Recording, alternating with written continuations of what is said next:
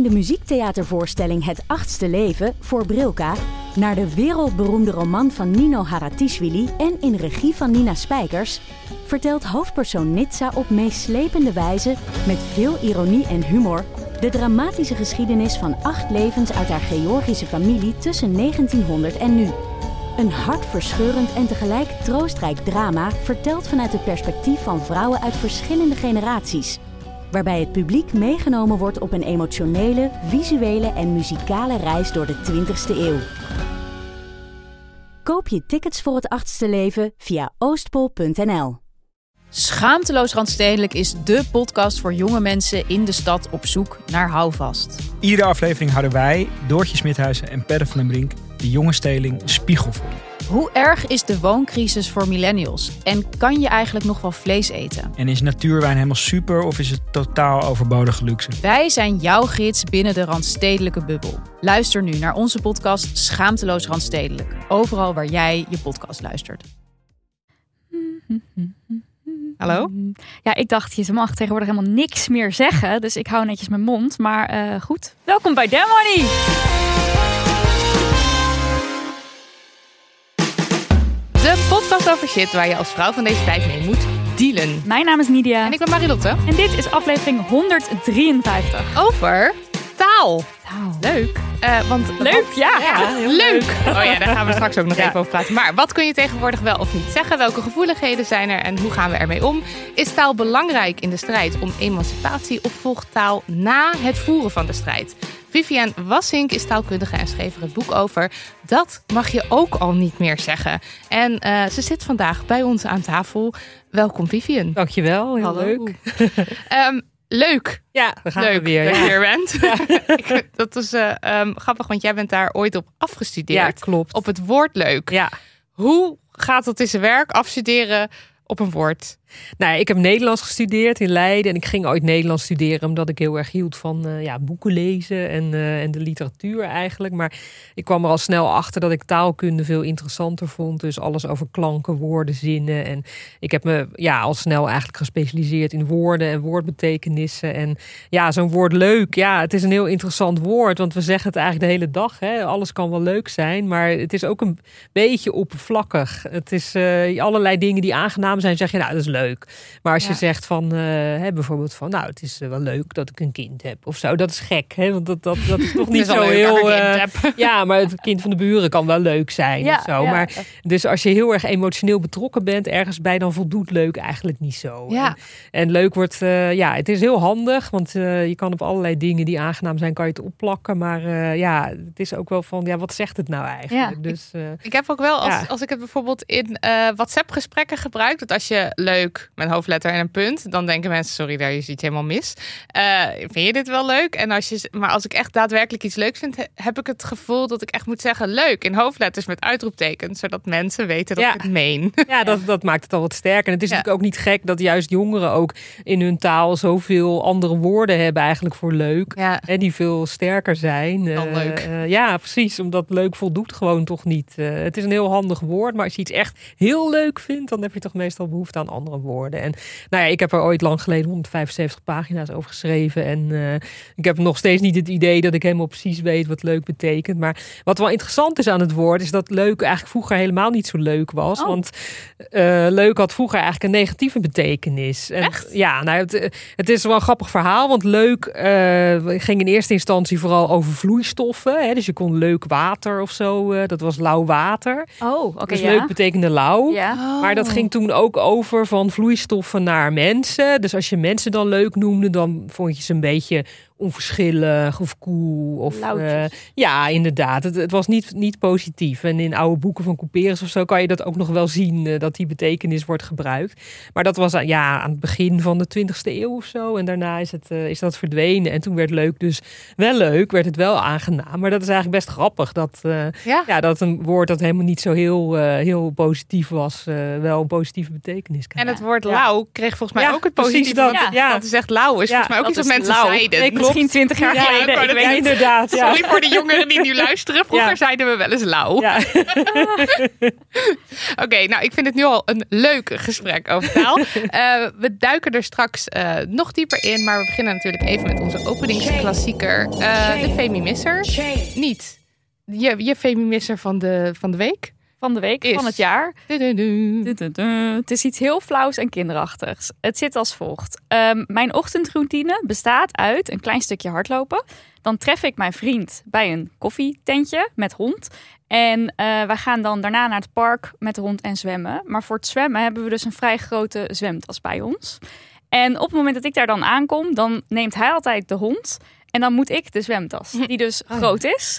En vrijwel elke dag denk ik, waarom moet ik eigenlijk die tas? Want hij moet het dragen. hij, hij is een sterke grote man. Waarom moet ik die tas?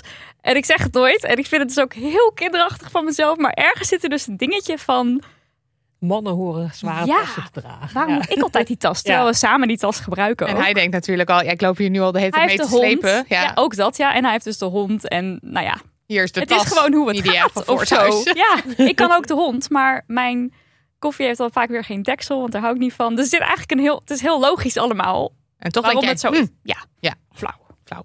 Marilot. Ehm, ja, ik, nou ja, weet niet zeker of dit helemaal een femi-misser is. Ja, denk, denk het misschien wel. Eh, ik kreeg, toen ik een jaar geleden ongeveer 35 werd, kreeg ik een brief dat ik eh, een, een uitstrijkje moet laten Ja. maken. Ehm, want, eh, want baarmoederkankeronderzoek, bevolkingsonderzoek, eh, nog steeds niet gedaan. En vandaag, de dag Oh. dat deze aflevering verschijnt, ja. is jouw verjaardag. Is dit op 14 oktober? Ja. Jemig. Oké, ja, nou dan heb ik dat nog steeds niet gedaan. Wat ik wel heb, Oh. want ik was eerst de brief kwijt, daarna de tweede brief kwijt. Toen de tweede brief weer gevonden, toen bleek dat daar stickers bij zaten die je moet hebben.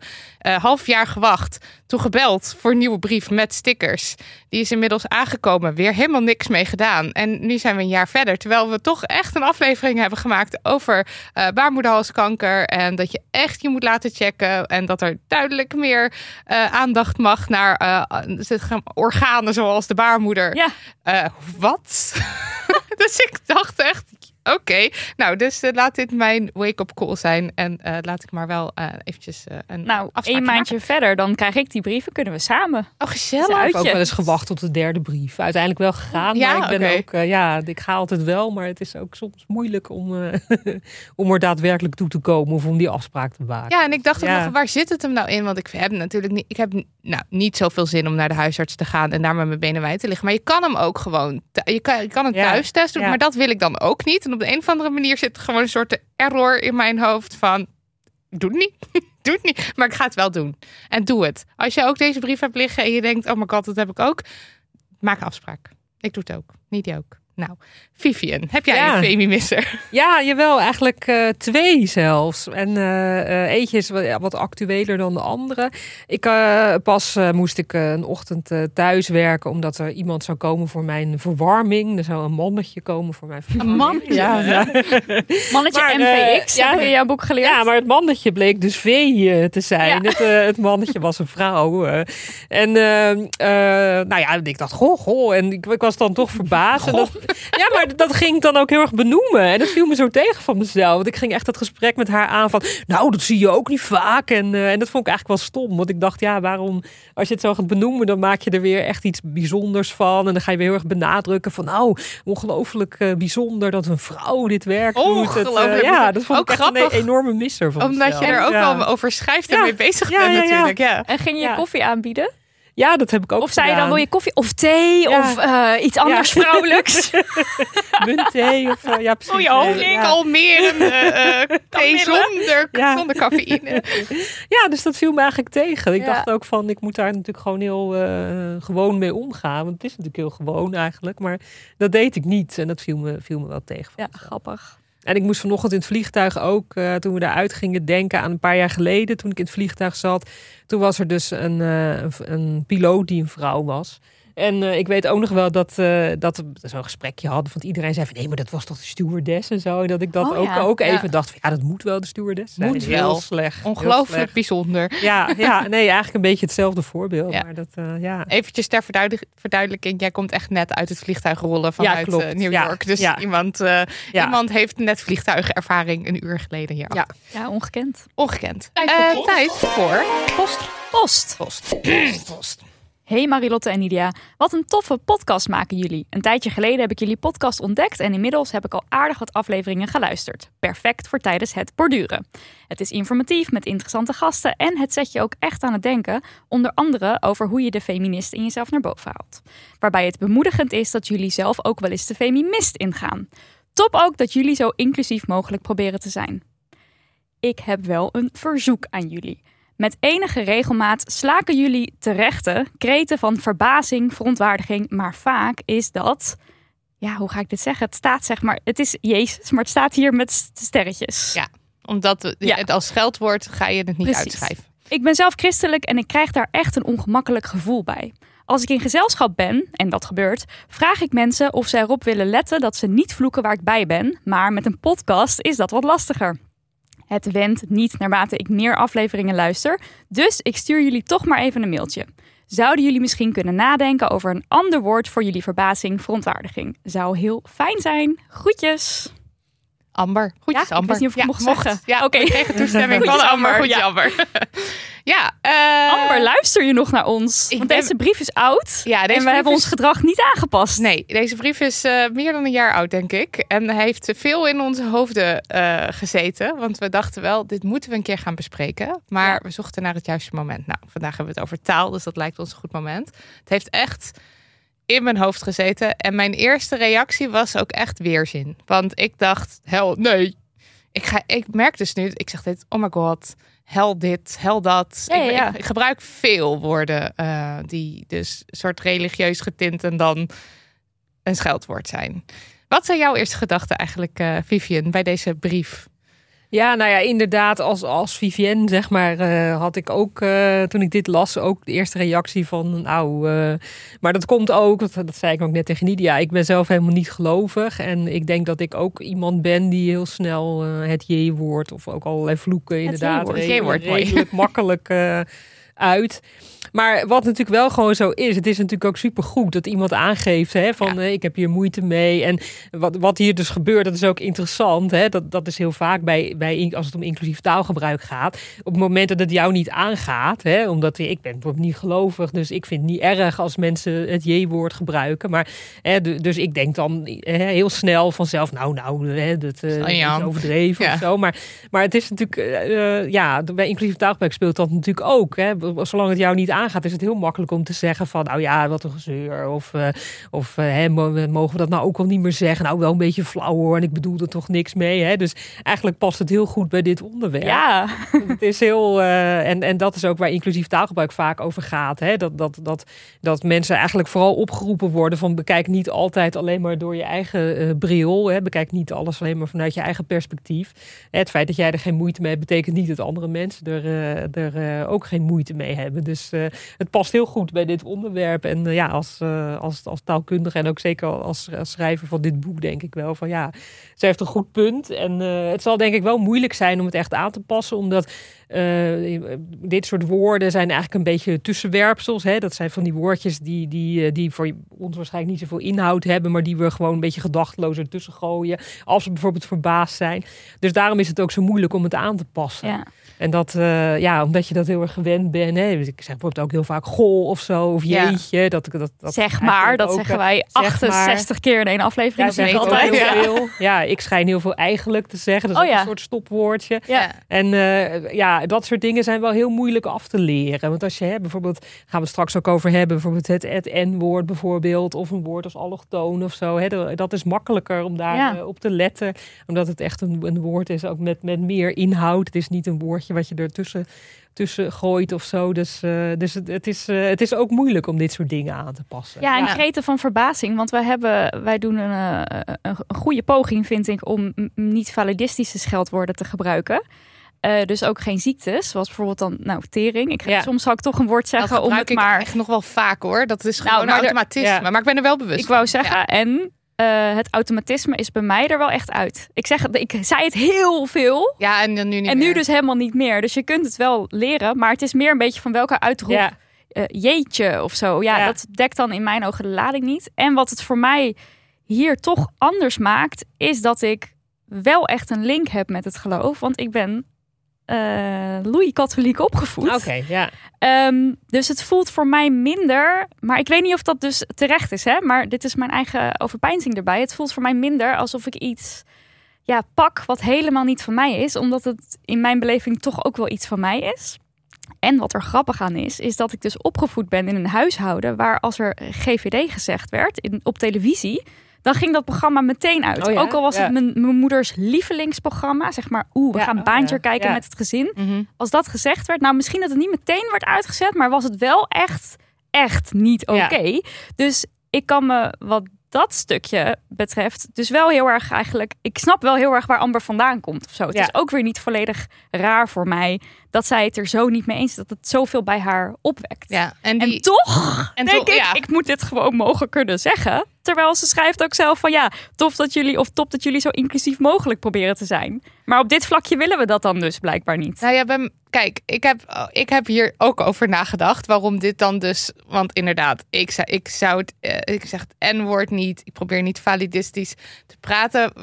Ik dacht, waar zit het verschil dan? Nou, ik heb ook een link met het christendom. Dat zijpelt zo af en toe door in de afleveringen. waarin ik dan een soort van woest word. Eh, ik heb ook eh, echt gewoon geen.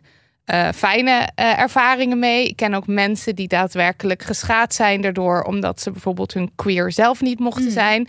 Dus ik heb ook echt veel weerstand tegen het geloof en dan gewoon tegen het christendom. Ja. Eh, omdat ik daar dus ook zelf in ben opgegroeid. En ook mijn ouders, vooral mijn moeder, die vindt het heel vervelend als ik GVD zeg of als ik het J-woord zeg. Mhm. Eh, die kan daar dan dus ook niks mee.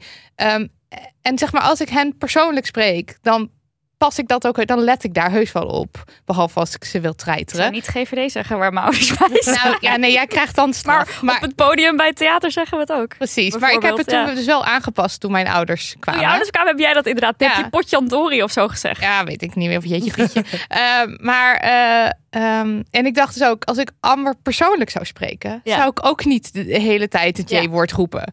Maar, en, en wat het nu dus anders maakt voor mij ook, is omdat zeg maar woorden als het N-woord of validistisch taalgebruik, dan gaat het vaak toch over eh, groepen mensen die aangeven, ik vind het niet fijn. En dan gaat het over groepen mensen die bijvoorbeeld te maken hebben met structurele onderdrukking, met minderwaardig, met zeg maar, of, onzichtbaar zijn, ja. discriminatie. Dat allemaal. Dus het voelt heel erg als naar beneden trappen. En meer als: oké, nou, dat moet ik niet doen. En bij het christendom eh, ervaar ik het dus meer als een soort.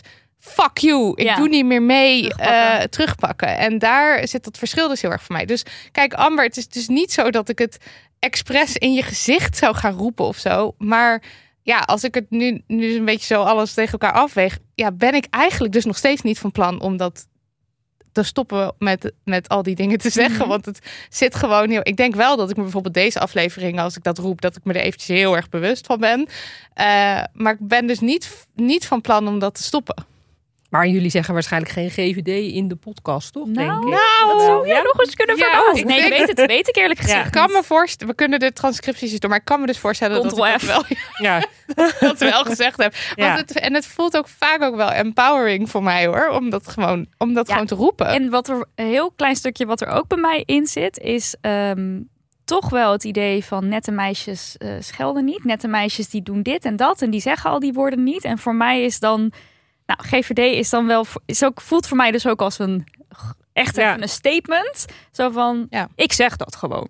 Ja, en dat is ook helemaal niet raar. En, en vloeken zijn ook een soort hè, ontlading natuurlijk. Ja. Die hebben ook wel heel duidelijke functie. hè. Het- Het het staat er even los van of je daar inhoudelijk mee eens bent. Maar, maar het is wel grappig dat eh, bij allebei jullie reactie dus en bij mij dus ook wel. De primaire reactie is toch wel van eh, wat en eh, Ja. Hè, waarom mag ik dat niet zeggen? Dus op- dat is een heel natuurlijke reactie als het om taal gaat. Dat kunnen we ook veel breder trekken. Hè? Dus op het moment dat je in taal gaat zeggen van... nou, hè, dit woord is misschien een beetje ouderwets... of dit woord is misschien daarin kwetsend. Of dit woord eh, kun je misschien beter vervangen door dit woord. Of probeer ook eens dit te zeggen. Dan reageren veel mensen inderdaad in eerste instantie heel erg van hoezo dan? Dat Ja. woord gebruik ik al heel lang en ik bedoel er niks mee. En wie, wie gaat mij dan vertellen dat ik niks meer mag zeggen en zo. Dus, dus dat is op zich helemaal niet raar. En ook als het om het veranderen van taal gaat, dan is er ook vaak gelijk een reactie van eng, stom, niet nodig. En Ja. we hebben woorden En het is die, toch een eh, beetje, het is heel erg, je wordt op de persoon. eh, Ja. Het is heel erg, oh, ik heb Ik doe iets, goed, iets niet fout goed. gedaan. Ja. Of het is- ja. Maar daarom deze brief ook zo passend bij deze aflevering. Want wij zeggen natuurlijk altijd van nou, en eh, de oude witte mannen die willen helemaal niet. eh, Nou, en deze terwijl we al die gevoelens dus vrouwen, zelf die ook het- ja. hebben. Ja, precies. Het is een heel primaire En- reactie. We ja. doen het allemaal. Dat, ja, eh, ja. en ook met Ja. het woord kut, hè, want daar zijn we ook op aangesproken. Oh Ja. heel vaak eigenlijk al. Van dat moet je niet zeggen, want het is iets negatiefs. Ja. Terwijl we moeten juist, jee, de kut. En dat blijven we ook wel zeggen. Ja, maar ook, daar ja, is ook daarvan stuk- denk ik, is toch weer weer iets anders dan wan- wanneer je dus echt een groep mensen die dus. nou, Het is anders dan naar beneden trappen. Ik heb zelf een kut. eh, laat mij dat is kut het dus zeggen. voor mij het Ik verschil. heb zelf een link met het christendom. Nou, laat precies. mij. Jullie hebben allebei inderdaad zelf eh, ervaringen met het christendom. En nou, jij ook wel negatieve ervaringen mee. Nou, jij misschien ook wel toch? En dan, dan, dan snap ik ook wel dat juist de reactie is van... van eh, Ja. ik, ik heb goede redenen of zo om, om dit, dit woord wel te gebruiken. Dat Ja. is niet, eh, niet, ja, niet raar. En wat ook, ook wel leuk is bij inclusief taalgebruik, vind ik het... Ik vind het jammer dat het wordt ook vaak in de media ook wel zo gebracht als van... dat er een heleboel niet meer mag. Hè? Ja. Dat we echt naar het Nederlands kijken van wat is goed en wat is fout. En, eh, en, en alsof er een soort taalpolitie is die de hele tijd zegt van dit mag niet meer, dit mag niet meer. En op zich valt dat wel mee. Want het is heel vaak wordt er eigenlijk meer opgeroepen van hè, bekijk het ook eens vanuit een ander perspectief. En er komen ook woorden bij. En, hè, en op zich is het ook helemaal niet raar dat de taal verandert. Er zijn ook woorden van vroeger die om een of andere reden nu wat ouderwets zijn. Ja. En dat we nu ook andere woorden gebruiken, dat Ja. gebeurt ook allemaal. Dus het is eh, ook helemaal niet raar dat de taal verandert. En, en bovendien is het ook nog zo dat als er bijvoorbeeld inclusieve taalgidsen of zo worden opgesteld, is de toon daarin heel vaak heel voorzichtig en vriendelijk. Juist zo van, nou ja, Zou je dat willen doen? En kijk maar. En hè, misschien kun je ook eens. En, ja. eh, en eh, nou ja, dus het is ja, vaak best wel vriendelijk opgesteld. Maar zo wordt dat niet, vaak niet ervaren. Heel veel mensen die, die, die valt het op als een soort aanval, vinden het betuttelend. Hebben het idee dat ze iets niet Het is mogen. natuurlijk nu Dus, ook, hè? eh, Zouden jullie misschien kunnen nadenken over een heel vriendelijke mail woord? Zou fijn Ja. zijn, groetjes, weet je wel? Het is Oh, allemaal heel... sorry, ja, en een heel lief intro ook. ja, begint met, ook met ja. een compliment Ja, precies. inderdaad. Dus Ja. nou ja, helemaal goed. Maar wat dus wel ook, want we hebben, we hebben deze lieve brief gekregen. We kunnen hier nu over praten. En inderdaad, eh, mijn eerste reactie kan wel zijn: mag ik dit nu ook nu niet zeggen? Ik mag dit prima zeggen, want ik kom na deze hele discussie tot de conclusie dat ik niet wil veranderen hierin. En dat mag gewoon. En dan kan Amber kiezen, dan luister ik niet meer. Ja, en dat is aan Amber. En dan is het ook aan ons weer om toch weer te reflecteren van... Oké, is dat een Ja. feminisser? Of... Precies. Nou ja, en zo... En zo gaan we lekker wij. door. Ja. Moedig voorwaarts. Deze aflevering wordt gesponsord door de Condomerie. De plek waar je zowel fysiek als online terecht kan voor allerhande glijmiddelen, SOA-testen, een passarium, maar vooral condooms in allerlei soorten en maten. En toen ik voor het eerst in de condomerie was, vond ik het bijna, bijna jammer dat er geen penis in het spel is in mijn seksleven. En dat zegt iets. Dat kan je wel zeggen, ja. Ja, Nou, ik kan mijn eerste keer condomerie ook nog heel goed herinneren. Want ik zocht toen een fijn condoom voor met Daniel. Want die vond het huistuin- en keukenmerk wat we normaal gebruikten, vond hij niet lekker zitten. Mhm. En echt, er ging een wereld voor mij open. No. De persoon achter de toonbank, die legde een soort hele dikke map voor mijn neus. Vol met allerlei soorten materialen, groottes, anything. En dan mocht ik dat allemaal voelen. En dan ging ze zeggen, nou, dit is dit materiaal en dit is dit. En dat deskundige advies dat ik kreeg, daar kwam geen gegiegel aan te pas. Geen schaamte aan te pas. Het was gewoon geweldig. En Heerlijk. sindsdien ben ik vaste klant. Zou bloedserieus geholpen worden. Ja. ja, en nou is het dus zo dat de condomerie op zoek is naar enthousiaste part-time verkoopmedewerkers voor in de winkel op de Warmoestraat in Amsterdam voor één à twee dagen per week. Een droombaan. Echt, hè? maar echt een droombaan. Als ik Money niet al had, dan had ik gesolliciteerd, want ik zie het al helemaal voor me. Ik met die map en dan niet giechelen. Ik kan jou ontslaan, als je wil. Nee, nee, nee, nee, nee, nee. Nou, als je daar achter die, kom, eh, achter die condoom staat, achter, achter die toonbank staat, Ja, dan mag je dus bijvoorbeeld ook het internal condoom aan de man-vrouw non-binaire persoon brengen. Leuk, ja. Want het interne condoom, dat had dus tot voor kort nog het naam vrouwencondoom.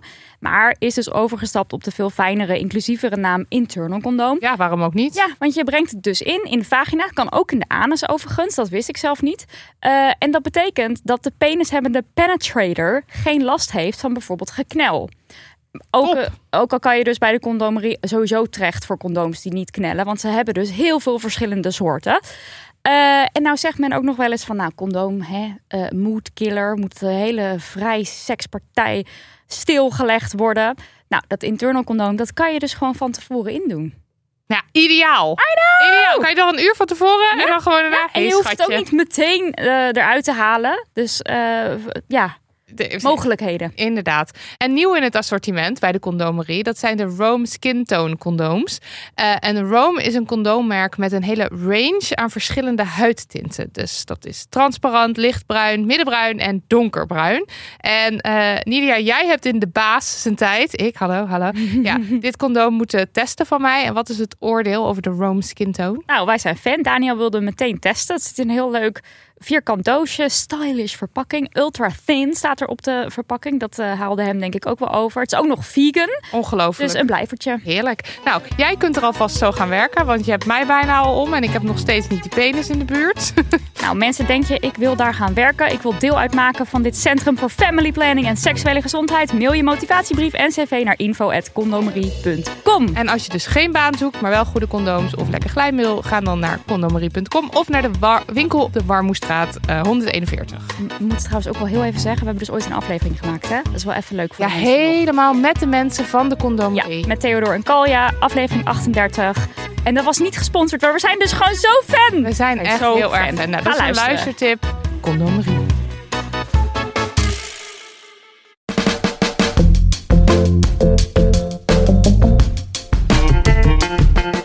We moeten het even nog meer hebben over taal. Want tegenwoordig kun je niets meer zeggen. Het is werkelijk waar gekmakend. Of wacht. Hey. Hallo, hallo, gekmakend. Is dat niet validistisch om te zeggen? Hey. Mag ik dat dan niet meer zeggen? Mag ik inderdaad niets meer zeggen? Verandert de taal dan zoveel? Kan taal wel veranderen? Moet het veranderen? Helpt het in de emancipatiestrijd?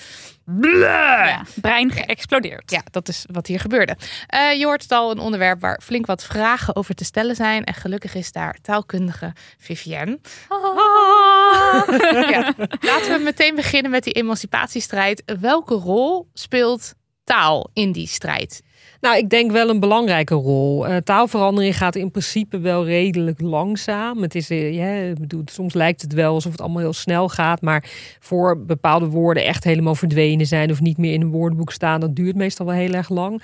Uh, maar ja, taal is ook een manier, is natuurlijk een manier om je, om je uit te drukken. En ja, heel, heel vaak wordt ook de vraag gesteld van, hè, kan je door de taal te, te veranderen er nou voor zorgen dat mensen ook anders gaan denken? Ja. En, wat komt eerst? Ja, precies. Dat, dat is een hele moeilijke vraag. Er zijn ook wel veel taalkundigen die zeggen van nou, je moet het eigenlijk zien als een, als een doos met een bepaalde inhoud. En daar plak je nog steeds een andere sticker op, maar de inhoud verandert niet. Nou. Dat, uh, uh, zo strikt zie ik het niet. Ik denk niet dat taal ervoor kan zorgen dat mensen echt helemaal anders gaan denken. Maar het kan wel een duwtje Ja. in een andere uh, richting zijn uit je vertrouwde denkgroef. En eh, dat, dat zie je nu ook wel heel erg gebeuren. Want inclusief taalgebruik is een ontzettend eh, belangrijk onderwerp van gesprek. Het, eh, het gaat er alleen maar over. Hè? overal in de krant. En, en de, in eerste instantie zijn de reacties dan heel erg van... oh, moet dat nou flauwekul, onnodig. En eh, ik zeg gewoon wat ik wil. Maar je merkt toch wel uh, dat door het er zoveel over te hebben, dat uh, bepaalde dingen toch best snel gaan. Want Ja. bijvoorbeeld het N-woord of zo, hè, Ja. hadden we voor de uitzending even over dat een jaar of vier, vijf geleden. Eh, was het zeker ook al wel een beladen woord. Maar eh, eh, ja, het, het is nu echt wel, weet volgens mij ongeveer iedereen wel, er is iets mee. Dat Ja, betekent ja. niet dat iedereen dan zegt van, oh, ik ben het daarmee eens, ik gebruik het niet meer. Maar in ieder geval is wel die bewustwording er van, oh ja, dat dat, dat, dat woord dat, daar, dat is beladen. En dat, überhaupt de term en woord. Ja, precies. Dat is al iets wat mensen nu Klopt. veel meer gebruiken, denk Nee, ik. Klopt, inderdaad. Want als je het over woorden hebt, dan, dan, dan, ja, dan is het natuurlijk op zich niet gek als ik dat woord ook helemaal zou uitspreken. Mhm. Hè? Omdat ik heb het dan niet, ik noem het woord, zeg maar. Hè? Dat heet dan het, uh, het begrip in zelfnoemfunctie, heet dat Oh, doe in, maar eh, even vakje ja, ja, ja. Ja, ja, ja. in woordenboekenland heet dat dan zo. Dus in principe kan je als woordenboekmaker, als jij over woorden praat, dan. Hè, uh, maar, maar zelfs daarin merk je al dat, dat het al beladen is om, om, als je het over het woord hebt, om het helemaal uit te spreken. Ja, ja. Ik doe dat dus ook, uh, ook, uh, ook niet meer. Dat, terwijl een paar jaar geleden tijdens een lezing of zo, zou ik, als ik het over het woord had, nog wel gewoon het hele woord uitspreken. In de context, dat, ja, ja, precies. ja, dat, dat is is heel interessant. Dat Ja. is, uh, Ja, want. Ik, zat, uh, ik zat uiteraard in je boek te lezen en daar staat het woord wel een paar keer uitgeschreven. klopt. en dat, Ja. toen dacht ik al, oh, het staat Ja. hier wel uitgeschreven. het inderdaad. valt gewoon op. En je maakt Ja. gewoon keuzes daarin natuurlijk. Ja, nee, klopt. Ja, Ja. het uitschrijven is dan nog wel. Maar het zou best kunnen dat over een jaar of tien of zo, dat het ook het uitschrijven ervan. eh, er zijn al wel boeken waarin dat. eh, of met sterretjes inderdaad. Nou, of, dit is eh, interessant, ja, want ja. wij hebben in een van onze boeken hebben wij een verhaal opgenomen van eh, een auteur die dat in de jaren tachtig had geschreven, waar het N-woord genoemd werd. En toen hebben we dus daar discussie over gevoerd van, ja, kan dat wel? Of hoe, eh, hoe gaan we dat aanpakken? Dat De was nog auteur was wel een zwarte vrouw. de auteur zelf. was een zwarte vrouw en zij wilde zelf het woord heel graag wel uitgeschreven. En ze had daar ook met, met, met mensen over overlegd. En haar kijk daarop was dus eigenlijk anders dan die van ons. En Ja. het is ook heel raar om te gaan zeggen, ja, eh, wij Ja, als samensteller vinden. Maar uiteindelijk hebben we ervoor gekozen om dan toch een. eh, Het is uitgeschreven, maar even met een sterretje om even ja.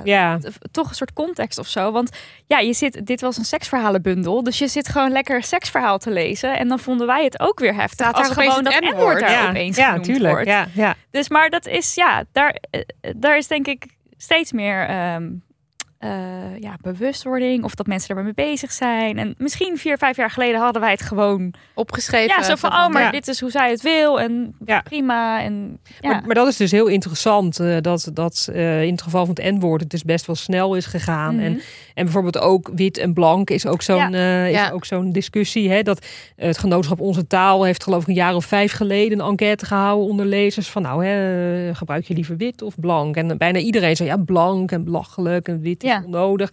En nu is het eh, het merendeel van de mensen zegt nee, toch maar wit. Maar dat komt ook omdat een aantal grote kranten dan ook besloten hebben om eh, voortaan wit te gebruiken. Ja. En als jij altijd voortaan in de Volkskrant wit leest, dan raak je er natuurlijk ook aan gewend. ja, het is ook gewenning. dus het, eh, ja. En bij wit en blank begint daar in mijn gevoel ook een dat blank gebruikt wordt als ja, hoe zeg ik dat? Heel bewust blank gaan zeggen, Ja. omdat je zo anti de ja. tussen ja, aanhalingstekens klopt. woke beweging Ja, bent. inderdaad. Het is een beetje Dus- expres. eh, Ja, precies. Ja. Maar wat kan je dat, eh, kan je dat nog eens uitleggen? Waarom, waarom zou wit of blank of wat, wat is het verhaal daarachter? Nou, het is eigenlijk best een ingewikkelde kwestie, omdat wit en blank, eh, ja, het is heel gewoon dat woorden heel erg veel betekenissen hebben. Zeker Mhm. woorden die we al heel lang gebruiken. En als je dan in woordenboeken kijkt, dan zie je vast, vaak wel tien betekenissen of zo per woord staan. En dat is bij wit en blank ook zo. Eh, en wit en blank hebben ook heel veel betekenissen die precies hetzelfde zijn. Dus wit en blank worden eigenlijk allebei al eh, ja, heel lang gebruikt voor, voor zaken of personen die dan een, een lichte kleur hebben. Mhm. Dus je kan het zowel van allerlei dingen zeggen, hè, eh, maar ook van, van mensen. En dat, eh, ja, die woorden worden eigenlijk allebei al wel heel lang op een vergelijkbare manier gebruikt. Eh, maar het is wel zo dat we eh, zeker vroeger blank vaker gebruikten als het om huidskleur ging. Mhm. Maar wit werd ook gebruikt als het om huidskleur ging. Dus eigenlijk zijn die woorden best wel hetzelfde in betekenis. Eh, en nou ja, bij blank heb je toch meer een bijgedachte hè, aan een koloniaal verleden. En heel veel mensen zeggen ook van ja, er, er zit iets superieurs in. Ja. Hè. Het heeft een, het heeft een bepaalde positieve betekenis. Dat klopt ook wel. Op zich heeft wit die ook. Omdat wit en blank over dingen gaat die licht zijn, transparant, helder. Hè. Daar kan je doorheen kijken. Dan, op een gegeven moment kwam daar een soort figuurlijke betekenis uit voort. Van dat dat dan, dat je er doorheen kan kijken, doorzichtig is. Dat het eerlijk is of betrouwbaar of Mhm. onschuldig. En dat is op zich ook niet raar. Dat woorden ook weer allerlei figuurlijke betekenissen erbij krijgen. Dat gebeurt ook heel vaak. Maar het interessante is dus dat wit en blank dus allebei die positieve betekenissen hebben. Maar goed, de discussie is heel vaak van ja, waarom mag ik geen blank meer zeggen? Maar je kunt het eigenlijk ook omdraaien. Je kan ook zeggen van ja, er is helemaal niets op tegen om wit te gebruiken. Mhm. Nee. Omdat die woorden dus eigenlijk al zo hetzelfde zijn in betekenis. En het is wel zo dat blank dan vaker gebruikt werd in die, in die betekenis van een lichte huidskleur.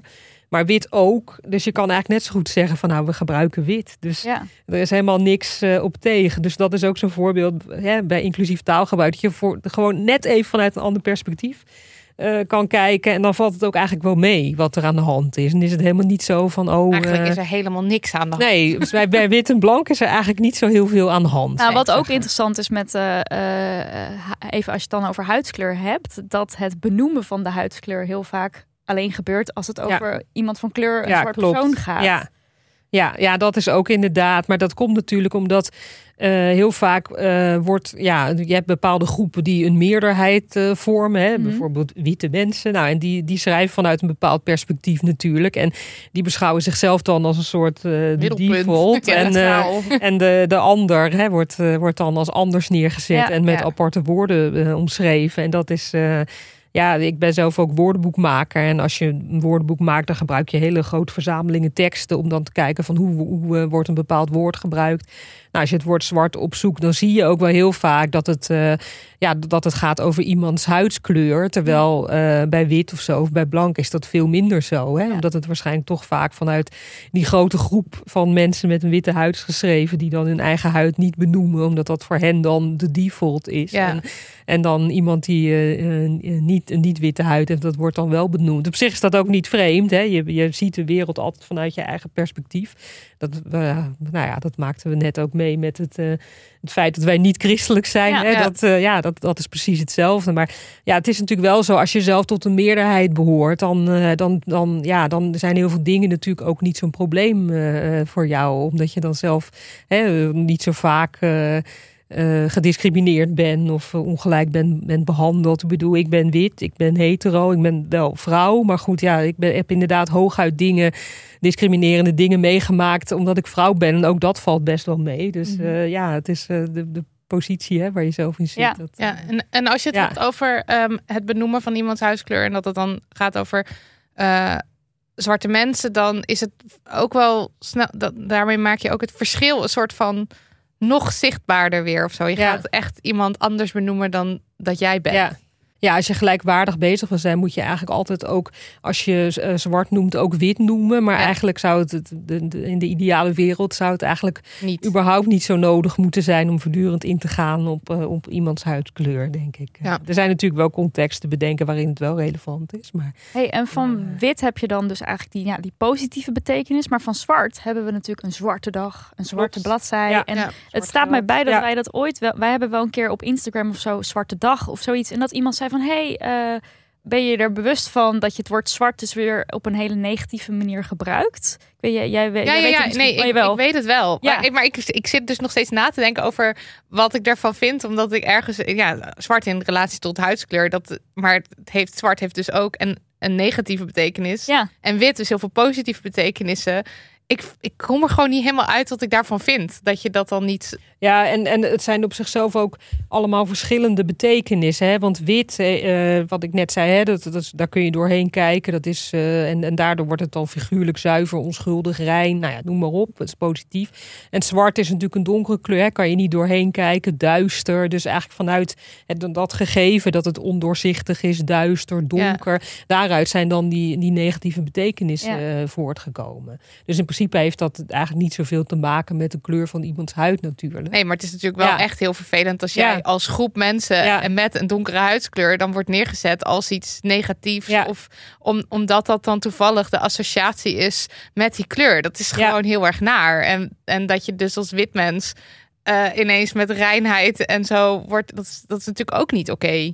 Nee, ja, het, het is inderdaad heel. eh, ja, dit, dat, dat is gewoon heel vervelend. Ik heb ook ooit ook wel gehoord van iemand die een kinderboek schreef over kleuren. En eh, eh, nou, die had dan bij, bij rood of zo allemaal. en en nou ja, het ging over allerlei kleuren. Maar had in ieder geval bij bruin had hij dan als voorbeeld bruin is de kleur van poep en van modder of zo. En Oh, toen had ja. de redacteur geloof ik wel gezegd van nou hè, doe dan, doe ook, doe dan chocola of zoiets Ja, leuks, weet je wel. En dan denk ik, ja, dat begrijp ik echt heel goed. Want dan denk ik van ja, zeker bij kinderen, dan wil je wel dat, eh, dat ze kleuren eh, associëren met positieve dingen. Juist ook omdat dat bij die andere kleuren wel, eh, wel was gedaan. En bedoel, het is natuurlijk ook wel in, een kinderboek moet ook altijd over poep gaan. Dat is natuurlijk altijd, altijd een, uh, Ja. een hit. En, één. eh, ja, precies. Dus het is, ik snap het wel, maar je moet dan in ieder geval ook opletten dat je ook. eh, Kan ook bij eh, geel en groen. Ja, precies. Ja. Ja, inderdaad. Kan wel, ja. ja. Kan je daar gewoon over hebben. Eh, maar zou dan, ik, ik blijf nog even heel, heel even hangen bij, die, bij bijvoorbeeld de zwarte bladzijde. Zou, zouden we dat eigenlijk, zeg maar, nou ja, niet, niet mogen zeggen, maar zou dat, zou denken jullie beter zijn om, om zulke Nou, het uitspraken zette mij wel aan het denken. En volgens mij hebben wij op dat moment ook het veranderd. Toen Ja, en maar ik vind het ook prima om het te veranderen. Het is gewoon meer dat ik ook zelf zou, goed zou willen onderbouwen, ook naar mensen toe. Als ik daar zelf iets over zou zeggen, onderbouwen naar mensen toe waarom. Eh, dus maar zou je, jij, jij zou zeggen, we zeggen dat gewoon niet meer, niet. Nou, sinds ik daarop gewezen ben, Doe je dat doe ik dat of probeer ik dat in ieder geval niet te doen. Nee. Maar ook omdat we het dan hebben over zwarte mensen, dat is dan ja, dat, en zwarte bladzijden. Ja. Want mensen van kleur is dan weer anders. Ja. Dan heb je die koppeling niet. Ja. Ja, het, het, is, het is heel lastig. Het zijn, ja, dat, dat weet ik dan toevallig als taalkundige. Dat het, het zijn natuurlijk heel verschillende betekenissen die in, in wezen niet zo heel veel met elkaar Nee. te maken Ja, hebben. daar maar, blijf maar toch- op hangen. Ja, maar mensen wel. associëren het er Ja. natuurlijk wel mee. En het is natuurlijk sowieso altijd. Ik bedoel, je bewustzijn van je eigen taalgebruik is natuurlijk, is natuurlijk sowieso heel goed. Het is Ja. echt ook. eh, ik heb dat zelf. Ik bedoel, ik heb een boek geschreven over inclusief taalgebruik. Maar ik denk ook wel eens van hé, hey, ik zeg nu ook, eh, ook, ook iets wat, eh, hè, wat ik. Waar, ja, ik, ik kan ook wel net wat genuanceerder of zo. Zijn zonder Ja. dat, hè, zonder dat het alleen maar één hele softe boodschap of, eh, of hè, dat. eh, en, en ja, ik denk dat het sowieso heel goed is als iemand je wijst op, hé, je zegt dit. eh, dat, je, je, je hebt altijd andere woorden waar je uit kan kiezen. Of je kan Ja. altijd Ja, anders precies. Het zet aan het denken en het hoeft Ja. ook niet meteen te Nee. zijn van, oh, dat mag nu nooit meer iemand zeggen. Ik vind dat Ehm. trouwens wel een hele leuke manier om te kijken naar taal. Dat je dan dus eh, dat meer ziet als een uitdaging om dus creatiever Ja. aan de slag te gaan. In plaats van dat je het gevoel hebt dat je iets niet meer mag zeggen. Dat je dan Ja. denkt, oh, wat kan ik dan Nou, anders of nog meer zeggen? dat is dus bij in de categorie validistisch woordgebruik heb je natuurlijk heel veel scheldwoorden. Ehm, zoals bijvoorbeeld, dan ga ik dus toch nu even toch iets zeggen. Bijvoorbeeld eh, in de politiek dat je iemand waarmee je het niet mee eens bent uitmaakt voor idioot. Mhm, Ja, Eh, en daar hebben wij het ook wel over Ja. gehad. Dat we dan van ja, je kan eigenlijk veel gerichter zeggen wat er nou mis is met deze persoon. Namelijk iemand zegt iets heel racistisch of seksistisch. Ja. En dat is ook nog eens sterker om het op die manier te zeggen dan iemand wegzet als idioot. Eh, nu zal ik dat woord niet meer gebruiken. Ehm, maar over validistisch taalgebruik. Je, hebt daar niet, eh, je bent er niet uitgebreid op ingegaan in je boek. Maar kan je daar wel iets over vertellen? Ja, zeker. Er, is heel erg een, eh, een, een trend. Eh, ja, die heeft ook een naam. Dat heet People First Language. En dat is eh, dat je eigenlijk vooral probeert om van iemand niet hè, zijn aandoening of zijn ziekte eh, te maken door hè, iemand met een zelfstandig naamwoord te benoemen. Hè. Dat je niet Mhm. bijvoorbeeld zegt een autist of zo, of Mhm. een blinde, of, maar bijvoorbeeld iemand met een visuele beperking of iemand met autisme. Eh, dus de, hè, wat je dan doet, dan zet je de mens voorop. En dan noem je hè, die aandoening of ziekte of iets anders.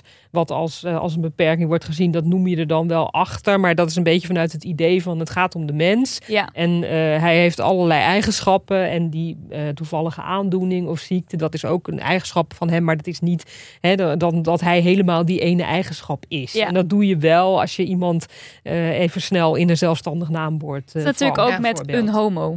Ja, Die klopt. homo. Ja, nee, inderdaad. Ja, Hetzelfde, ja. ja. Terwijl ik dus wel zelf naar mezelf graag verwijs als eh, lesbo of pot. Maar dat Ja. is meer als je het gewoon zelf ehm, pakt. Want Oh, dat ja, ja, is ja. leuk. Maar over Je hebt ook als- veel mensen die zeggen, nou, ik noem mezelf wel gewoon een autist. Ja, maar, maar- dat is dus anders. Dat is iets anders, want als iemand naar mij zomaar zou verwijzen Ja, als pot, Ja. zou ik daar heel kwaad over Inderdaad, worden. als nu buiten zeg maar een man die je Een niet random kent iemand, of zo, eh, eh, les boven potten, dan zou het niet Ja. oké je moet zijn. een soort toestemming krijgen Ja. van mij. Of van iemand die Ja. tot de groep behoort. Als iemand over zichzelf zegt, Ja. ik ben een autist. En je krijgt een soort toestemming om dat zo te, te benoemen. Dan is het weer anders. Ja. Ja, en, en dat is ook belangrijk. Er zijn natuurlijk altijd allerlei situaties waarin eh, bepaalde taal wordt gebruikt. En het, als jij eh, in een informele setting bent met eh goede vrienden of vriendinnen en je kent elkaar goed, dan kan het echt helemaal oké zijn natuurlijk Ja. om woorden als lesbo of pot of, eh, of flikker of nicht of zo te gebruiken. Hè, dat, eh, dat, dat- op zich is dat ook een heel normaal verschijnsel. Dat, dan, ja, dat noem je dan een geuzennaam. Ja. Hè, dat, dat binnen de, ei, een, de eigen groep eigenlijk dat dat bepaalde woorden die dan in het algemeen taalgebruik wel een beetje als grof gelden, maar dan wel oké zijn als je dat, uh, hè, of dat vrouwen elkaar onderling bitch of zo noemen, dat is, kan ook echt prima zijn. Maar hè, een vreemde man op straat of zo die je zo noemt, dat is dan niet oké. Ja. Nou, dat dus is dan dat, uh, ja, precies. En dat geldt ook natuurlijk voor het N-woord. Ik bedoel, dat is hè, bijvoorbeeld in hip-hop scene of zo wordt dat natuurlijk ontzettend veel in teksten gewoon gebruikt.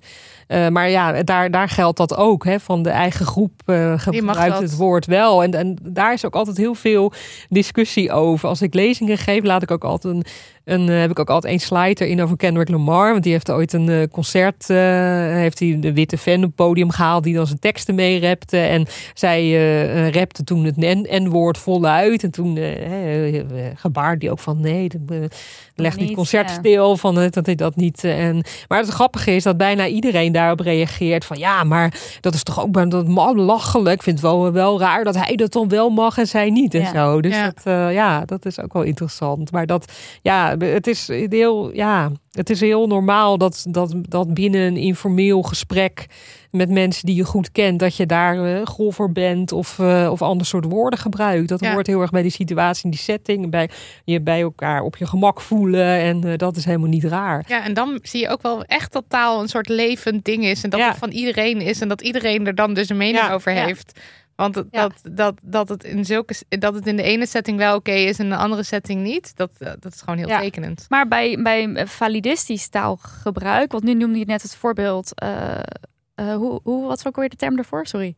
Dat je de people first- language, en ja, voorop Maar het is natuurlijk ook veel, eh, eh, ja. veel breder met ook ehm, eh, bijvoorbeeld iemand uitschelden door te zeggen dat iemand nou dom is. Mhm. Of, of Ja. dus wat ik net, dat, het i-woord wat ik net gebruikte. Ja. En daarvoor lijkt er nog vrij weinig draagvlak te zijn. Terwijl het Dus ik was bij de Extinction Rebellion demo op de A12 en er zijn echt loeigrote spandoeken waar dan op staat Ja. fossiel is. Nou, maak maar Ja. af een scheldwoord of een, een rijmwoord, wat ook een scheldwoord is. Oh ja. En dat wordt als heel normaal gezien. Ja. En ik heb ook wel vrienden die de hele tijd eh, zo'n woord, ja, oh, dat vind ik echt. eh, en daar lijkt helemaal niet. ehm, Terwijl, ik, want ik, ik moest het voor mezelf, toen ik het voor het eerst hoorde, ook even op een rijtje zetten. Maar het is natuurlijk eh, heel apart dat we dus een soort, ja, nou ja, een, een- iemands intellect of intelligentie, dat we dat koppelen aan een soort kwaadaardigheid. iets, maar ook iets heel negatiefs. Ja, en dat is.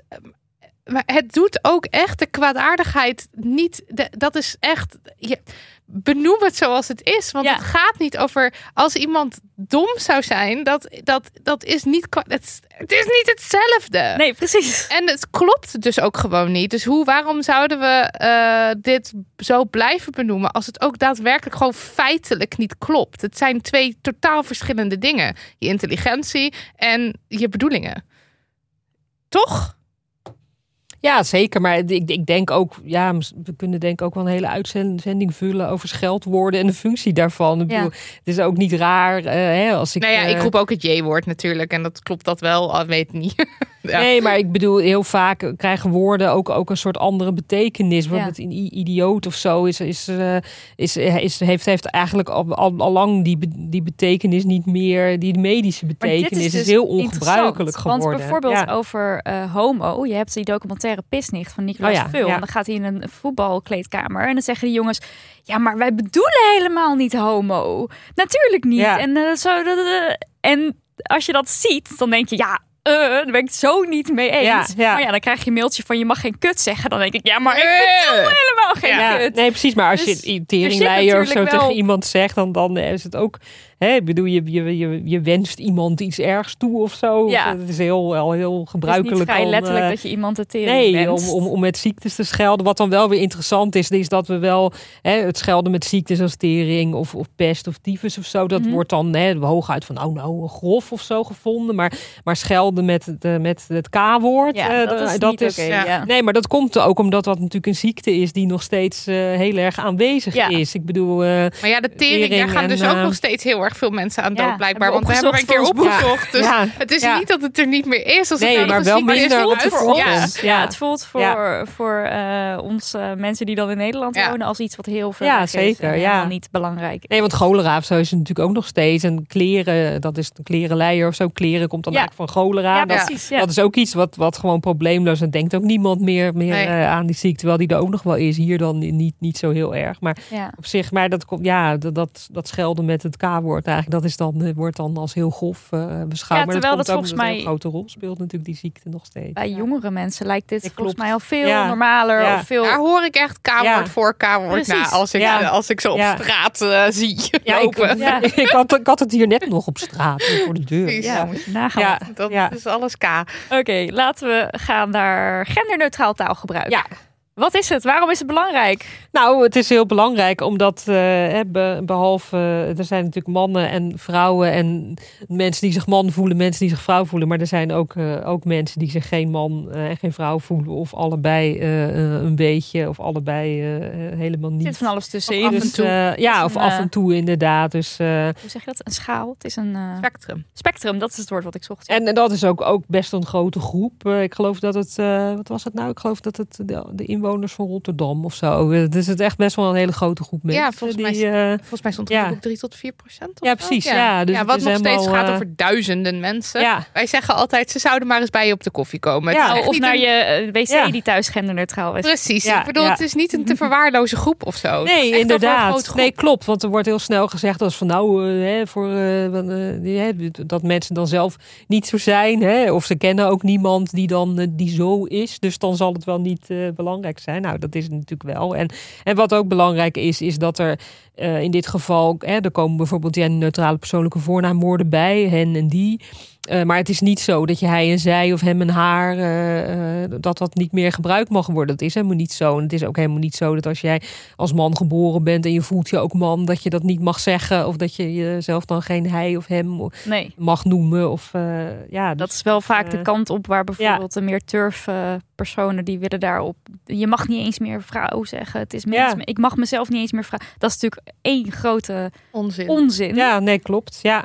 Dus dat, eh, nee, ja, en, en de, bedoel, ja, het is gewoon heel belangrijk dat, eh, dat, dat, dat mensen zich eh, benoemd eh, zien Ja. en zich genoemd voelen Het en ook het idee leuk. hebben, het gaat ook over mij. Als je ja. dus, eh, volgens mij schrijf je dat ook in je boek van beste reizigers of zo. Het is, Ja. ook, het is veel meer soort specifiek of meer van toepassing op de situatie. Wij En zijn alle het zelf ook cosmopolieten. leuk. Wij Ja, ja, zijn ja. hier op Of weg. beste Amsterdammer, Ja, ja, ja, schrijft de ja. gemeente Ja. Amsterdam. Ik vind dat ja. dus heel erg leuk. Vind Want voel ook echt onderdeel van de stad. Ja. Nou, en, en bovendien, wat ook wel interessant is, is, is eh, in die gevallen wordt er eigenlijk naar een groep mensen gekeken. En er wordt gewoon gekeken, wat zijn die mensen aan het doen? Ja. Nou, die zijn op dit moment allemaal aan het reizen. En eh, dat is het belangrijkste als je in de trein zit. Ik bedoel, het doet er niet toe of je een man bent of vrouw bent, of dat je, eh, je geen man of geen vrouw, het doet er eigenlijk niet toe. Je zit allemaal in de trein, je gaat allemaal ergens naartoe. Ja. Dus benoem dat dan. Benoem Ja. wat je aan het doen bent. Of je woont allemaal ergens. Beste bewoners, beste inwoners, beste Het lezers. is zo logisch. Het is heel, eh, ja, en dan, eh, dan kan je gewoon de groep aanspreken en, eh, en iedereen voelt zich dan ook aangesproken. Ja. Het is eigenlijk zo raar dat er zoveel nadruk ligt hè, op, op, op, je, gender of op je geslacht of Ja. seksen. Of Zeker. dat dat de hele tijd maar. En ik, ik blijf me daarover verbazen in de Nederlandse taal ook. Dat je eigenlijk gewoon van altijd van iemand moet weten of iemand man of vrouw is. Is dat een Nederlands ding? Nou, het is in andere talen ook wel. Maar wat wel grappig is, ik hou ook wel eens lezingen voor vertalers. En het verschilt natuurlijk ook heel erg eh, per taal wat, Ja. je, wat je in je taal kunt doen. Hè, want er zijn bijvoorbeeld ook talen die bijvoorbeeld in hun, in hun werkwoordsvormen ook aangeven Ja. Ja. eh, dat het over iemand gaat die een vrouw is Ja, of zo. precies, Nou, ja. dan is het best wel ingewikkeld. Ja. Wat dat betreft hebben we het in het Nederlands het nog dan mee wat makkelijker. Ja. Ja, Ja, ja, ja. is wel zo. Nou, en dan is het misschien dus ook Ja. wel zo als je dan de werkwoordsvorm voor bijvoorbeeld een, een, een man gebruikt en het is een vrouw of andersom, dat je je daar dan lullig over voelt, omdat je denkt, oh Ja. nee, ik heb iemand aangezien voor Ja, het verkeerde, voor het Ja. verkeerde gender of zo. Dat, dat zou het zoveel makkelijker maken als we gewoon, een- als je een neutraal ding hebt. Eh, ook omdat je als je soms een mail stuurt en je wil dan benoemen wie dan zit je is het een man is het een vrouw Ja. je weet het niet Nou, ik, gewoon, ik zou gewoon doen beste voornaam en achternaam. Ja, Ja. dan, dan bedoel je benoemt iemand hoe, hè, hoe die heet. Je gebruikt gewoon de namen. En bedoel, je kan er niet van uitgaan als iemand eh, Sandra de Jonge eet, dat, dat het ook iemand. Je denkt dan waarschijnlijk, oh, dat zal wel een vrouw, Vrouw, zijn. ja, maar dat hoeft natuurlijk ik niet. bedoel, Ja, het hoeft, het hoeft niet. Het Je hoeft hebt geen idee. Nee, nee, precies. Dus, en eh, ehm, eh, zoals die en hen, dat lijkt meer, eh, Ingeburgerd. ja, meer in- ingeburgerd te zijn. Zie jij dat ook zo? Of is dit heel erg mijn bubbel? Ja, ik denk wel dat het een, eh, een beetje. wij zitten natuurlijk ook inderdaad in de, in de randstad en we zijn met het onderwerp bezig. Ja. Dus eh, wat wel zo is, is dat hen eh, best wel moeilijk inburgert. En dat komt omdat het eigenlijk talig gezien niet zo goed werkt. Omdat Mhm. eh, die en hen gebruiken we allebei al, ook eh, in, op een, in een andere betekenis.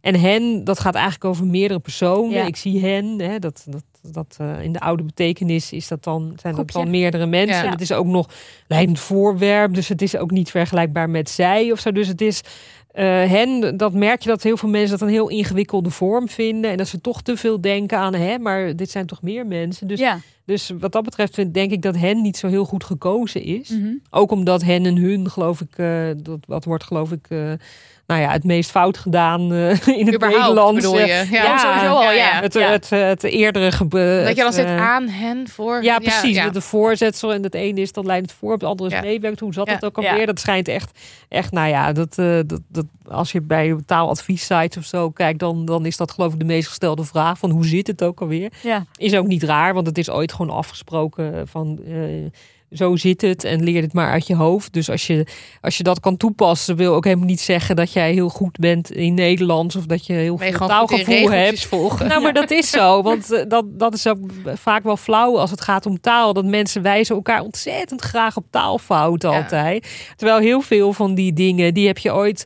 Die zijn best wel moeilijk. En waarom Ja. zijn ze moeilijk? Omdat ze niet logisch zijn. Ja. Ja. je hebt ze ooit uit je hoofd geleerd. Nou, heel knap.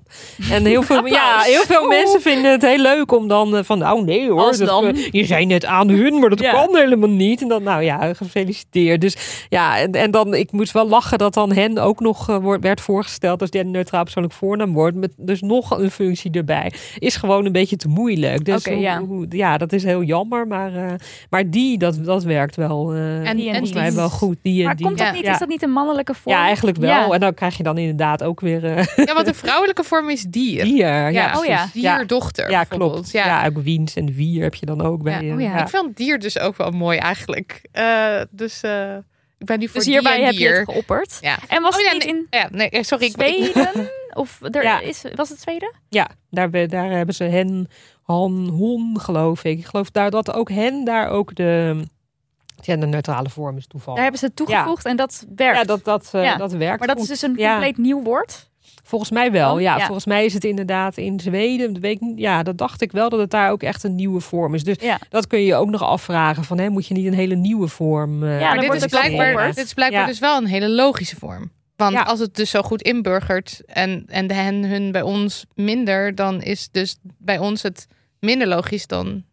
Ja, maar het lijkt natuurlijk ook hè, dat zij hadden al han en hon. En dan Ja, Han is hij en zij is, hon is zij. Ja. Dus dat is eigenlijk heel dat logisch. past krijg je natuurlijk het goed bij ja. elkaar. Als Ja. wij nou hij, zij een ei of zo hadden, of hij, zij een Zij. kwei of zij Ja. of zo. Maar dat, Er zijn ook wel mensen trouwens- die dat geopperd hebben. Hè? Ja, ja, Van, ja. zij Ja. of zo worden? En wat ik ook een hele, eh, wat ik wel echt een leuke eh, eh, suggestie vond, was dus eh, als je het neutraal wil houden, ehm, dat je gewoon altijd naar de vrouwelijke vorm verwijst. En dat je dan Ja. als voorbeeld iedereen is stond er zij. dan in, Ja, ja. Ehm, eh, Mark Rutte biedt haar excuses aan. Ja, en toen dacht ik, ja, dit is. Ja, want dan zet je. En eindelijk is die vrouwelijke vorm voorop. Ja.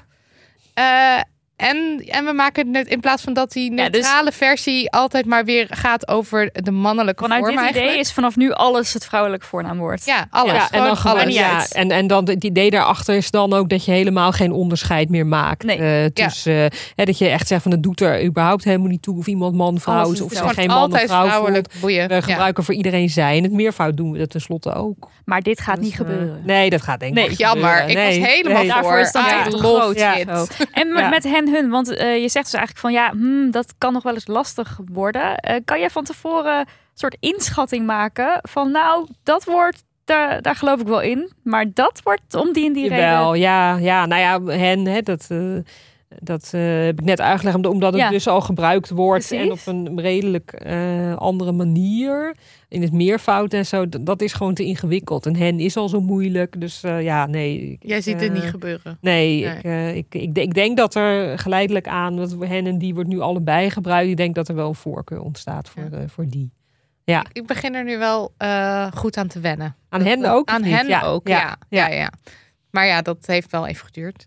En, Ja. eh, en wij hebben het nu heel eventjes over de benoeming van ehm, nou, beroepen. Zoals Ja. directeur, directrice. Ja. Wij praten hier va- vaak over. Dit is een terugkerend probleem. Ehm, en je schrijft ook in je boek ehm, van... Ja, je kan wel zeggen, je hebt een kunstenaar en een kunstenares. Maar bij een kunstenares, dan heb je denk ik toch een beetje aan vreubelen. En dan lekker de, Veel- met vilt en zo. Ja. En, eh, ja. en, en dat je en, en, en hoe voor eens en altijd hoe gaan we de boel benoemen? Maar ja, daar heb je Daar natuurlijk. moet jij nu antwoord op Ja, geven. nou, eh, ik denk eh, eh, dat we in de toekomst gewoon één woord voor iedereen gebruiken. En dat Ja. ook, ook meer op de voorgrond komt te staan van wat voor werk doet iemand. Of wat is iemand voor een handeling aan het uitvoeren. Hè. Het gaat om het, om het ergens een bedrijf leiden, hè, de directeur. Ik denk dat de toekomst is dat we gewoon één woord voor iedereen gebruiken. Dus iedereen directeur noemen. Dus directeur MVX eigenlijk. Ja.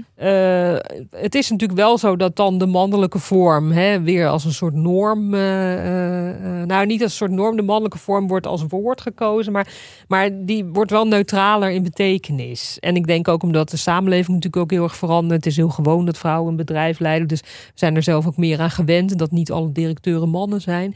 Dus ik, ik denk dat de toekomst wel is dat we één woord gebruiken voor iedereen. Dat is dan wel het woord hè, wat we dan oorspronkelijk gebruikten voor mannen. Mhm. Eh, maar we zitten wel een beetje in een tussenfase. Want er zijn nu ook wel groeperingen actief die zeggen van nou hè, eh, vrouwen moeten ook zichtbaar zijn in taal. Dus benoem vrouwen ook altijd met een eigen woord of met een eigen uitgang. Hè. Dus hebben het over hoofdredactrices en directrices en Ja. specialistes. En eh, benoem vrouwen ook nadrukkelijk talig. Dat- Ja, want anders kunnen Ja. ze ook verdwijnen uit de taal. Want als je een artikel leest over een directeur, Anne Janssens, toevallig de directeur van Dag Nacht Media, dat is in dit geval Ja. dus een man, maar Ja. het kan ook een vrouw zijn. Ja, ja. ja. Dus dan verdwijnt eigenlijk. ja, het is. Dus dan moet je eh, eigenlijk ergens achter heel erg prominent zij of haar gaan zetten om te laten zien van ja, maar hallo, directeuren kunnen ook vrouwen zijn. Ja, nee, zeker. Ja, nou ja, dus ik, ik, het, het, het kan nu nog in bepaalde context nog best wel nodig zijn om, om die vrouwelijke vormen heel nadrukkelijk Te noemen, gebruiken. ja. En het is ook wel, uit onderzoek is ook wel gebleken dat in vacatureteksten of zo, dat als Ja, jij graag ja. een vrouw wil hebben, dat je dan beter ook weer echt vrouwelijke vormen, vrouwelijke woorden kunt gebruiken, omdat er dan meer vrouwen reageren. En dat is altijd wel grappig, want dan is er altijd wel een man in de zaal als ik ergens een lezing heb van worden mannen nog niet benadeeld. Maar uit dat onderzoek bleek ook dat mannen overal op reageren. Dus mannen reageren Nee, ook als er een directrice wordt gevraagd. Dus je kan het beste Oh ja, oké. eigenlijk dus zeggen: we zoeken een directrice, we zoeken een, eh, een, een actrice, we zoeken de vrouwelijke vorm. En nou, actrice misschien dan niet, maar directrice wel. En dan reageren mannen dus ook. Als er Ja. achter staat MVX. Anders denken Ja. mannen, denk ik, ze zoeken een vrouw. Nou ja, dat uit dat onderzoek bleek Toch? dat, dat mannen altijd toch ook wel Dat reageren. Ja, ja.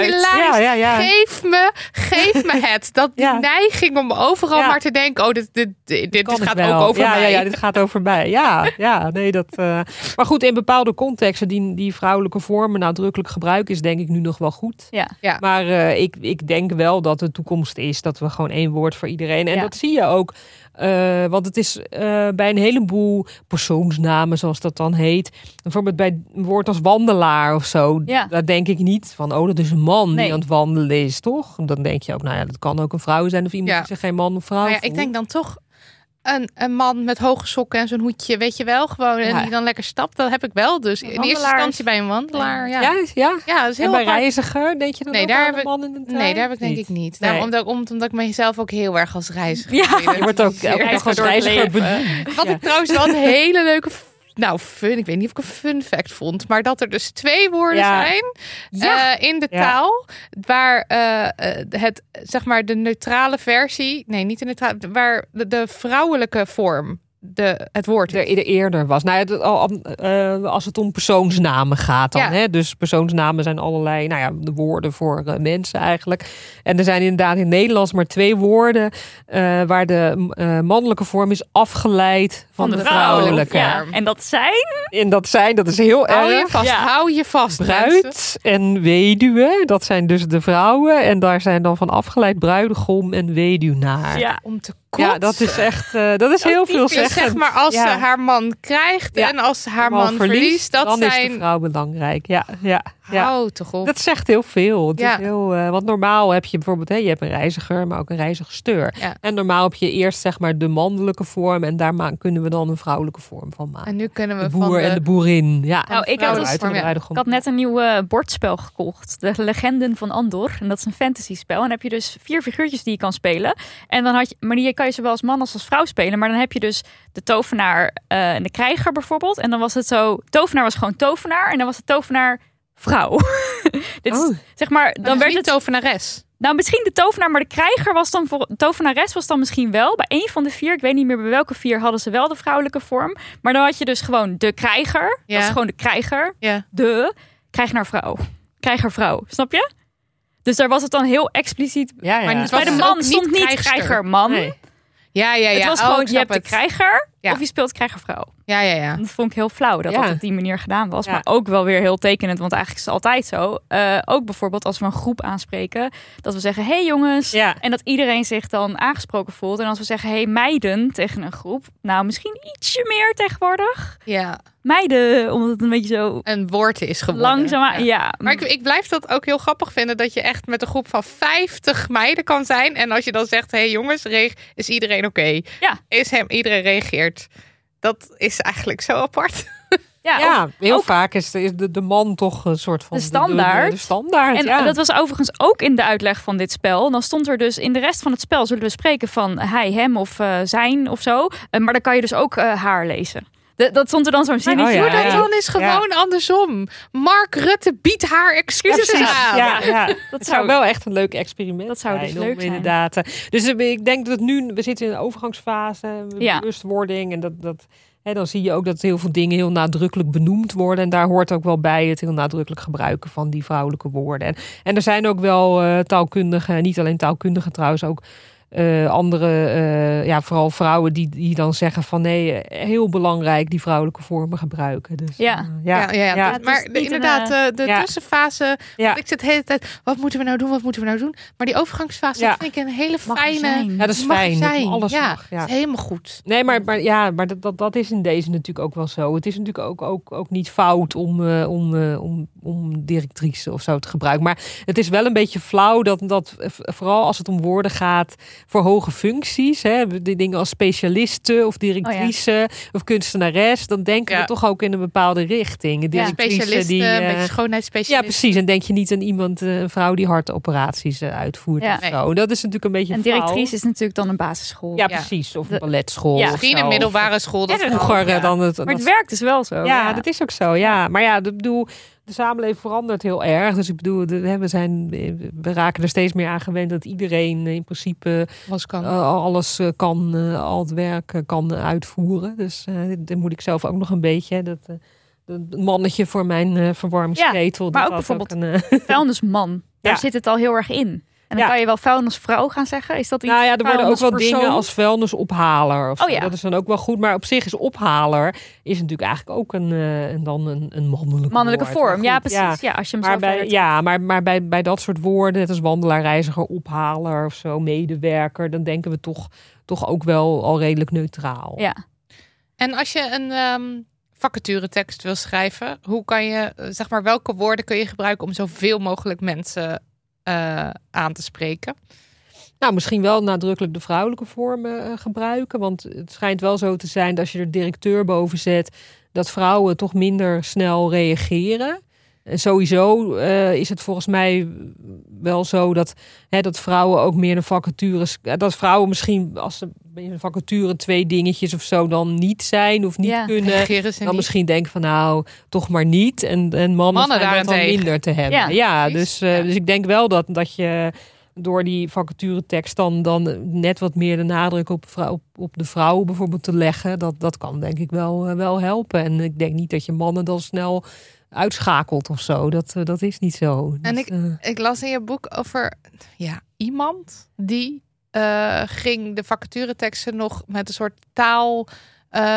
een soort spellingscheck on steroids of zo noemde die het. En Oh dat ja, hij ja. dus dan zei van, nou, deze woorden die worden als expliciet mannelijk ervaren, Ja. deze als expliciet vrouwelijk. En je hebt ook een soort neutrale vorm. Je hebt ja. nauwgezet, je hebt iets en stipt. En dan stipt was dan, Ja, nee, klopt. Nou, uit dat onderzoek bleek ook wel dat, eh, eh, eh, dat als je bijvoorbeeld heel erg graag een vrouw wil hebben, dat je dan ook bepaalde woorden, dus niet alleen die vrouwelijke vorm erboven zet, directrice of zo, maar ook dat er bepaalde woorden zijn waar vrouwen dan, dan meer op aan zouden slaan. Maar dat is ook wel een beetje flauw. Dat zijn dan ook weer van die woorden als sociaal. ja, ja, ja. Ja. Hè, dus het, ik- ja, dus het is, het is jammer, maar ik bedoel, het is misschien ook niet zo gek. Dat is misschien ook juist weer een overgangsfase. Dus, dus ehm, eh, en eh, bijvoorbeeld leider, leider of leiderschap of zo, of krachtig. Dat werd dan heel erg, eh, dat wo- wordt dan heel erg gezien als mannelijke Ja. woorden. Woorden waar eh, en en eh, vrouw is het dan eh, vaak een beetje op het sociale Verbinden. en eh,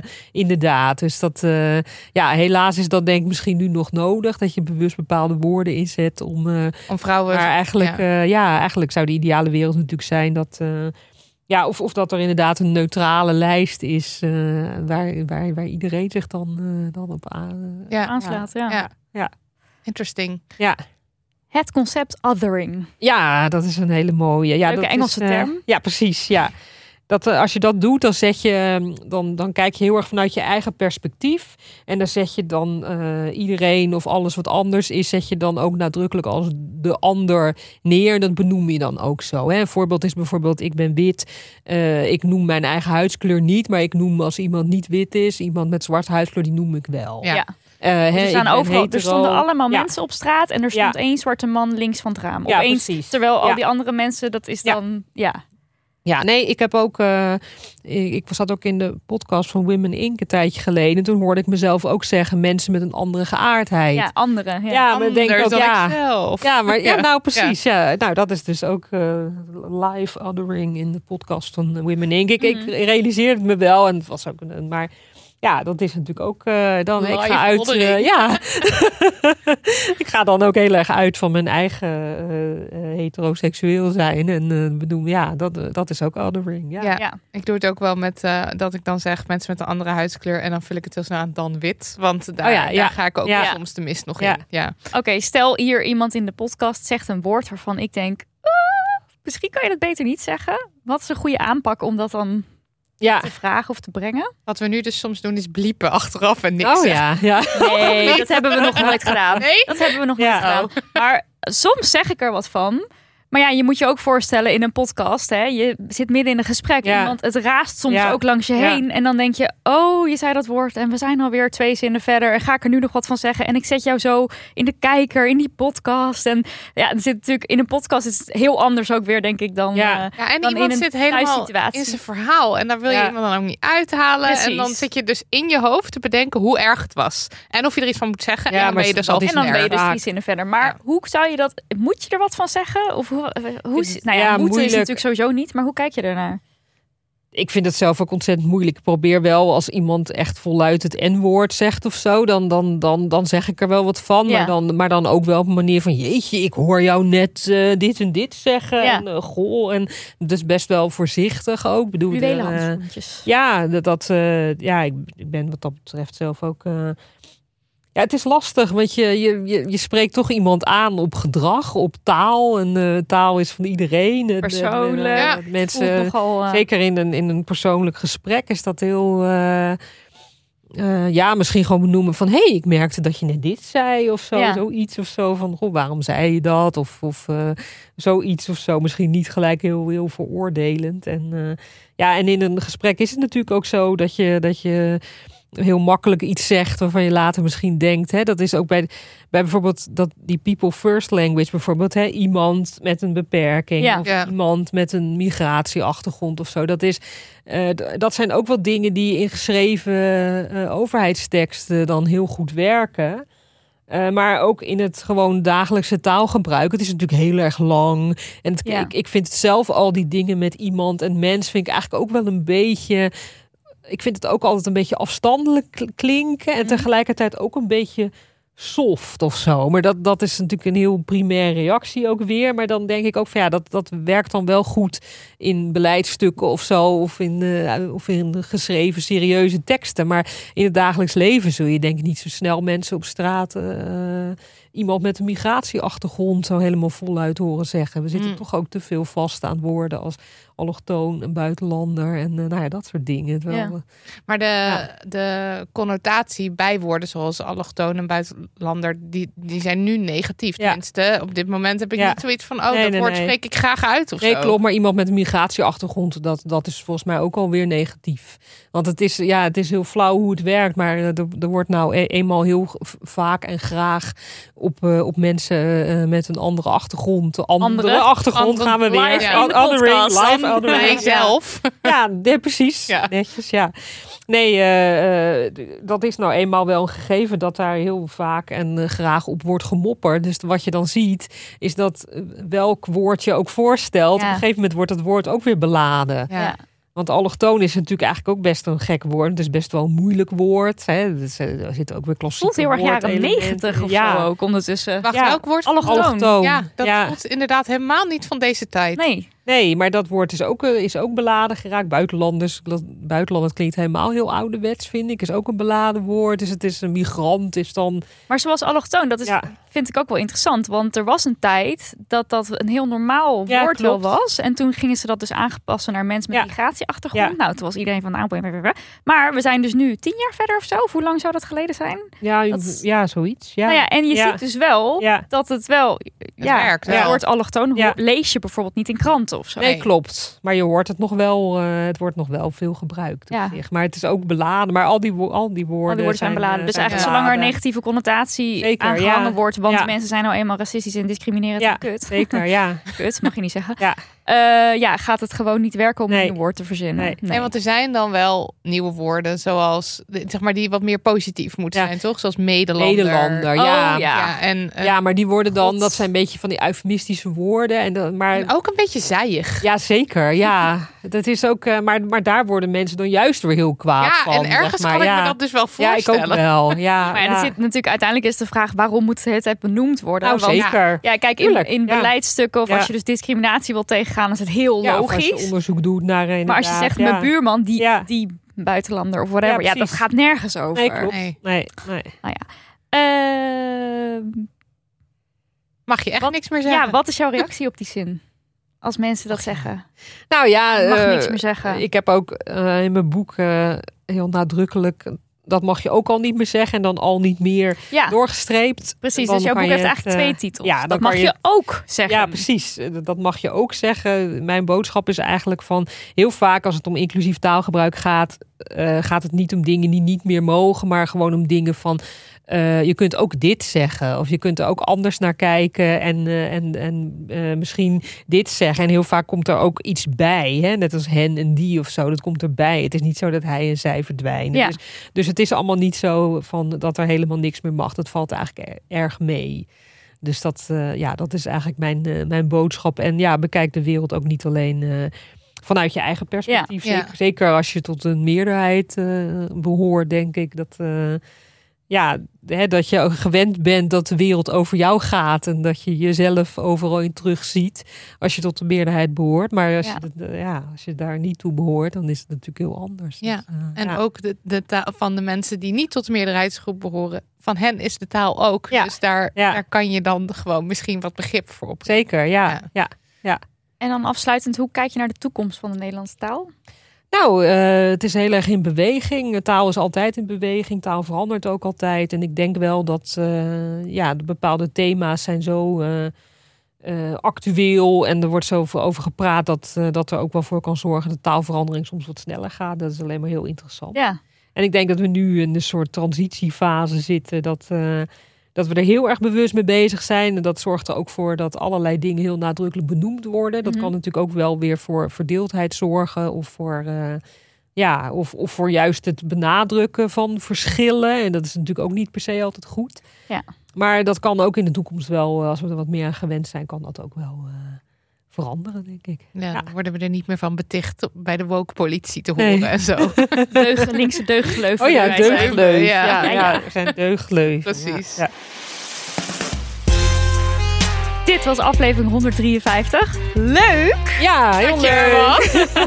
Dankjewel, Vivienne. Bedankt voor de uitnodiging. Ja, Superleuk.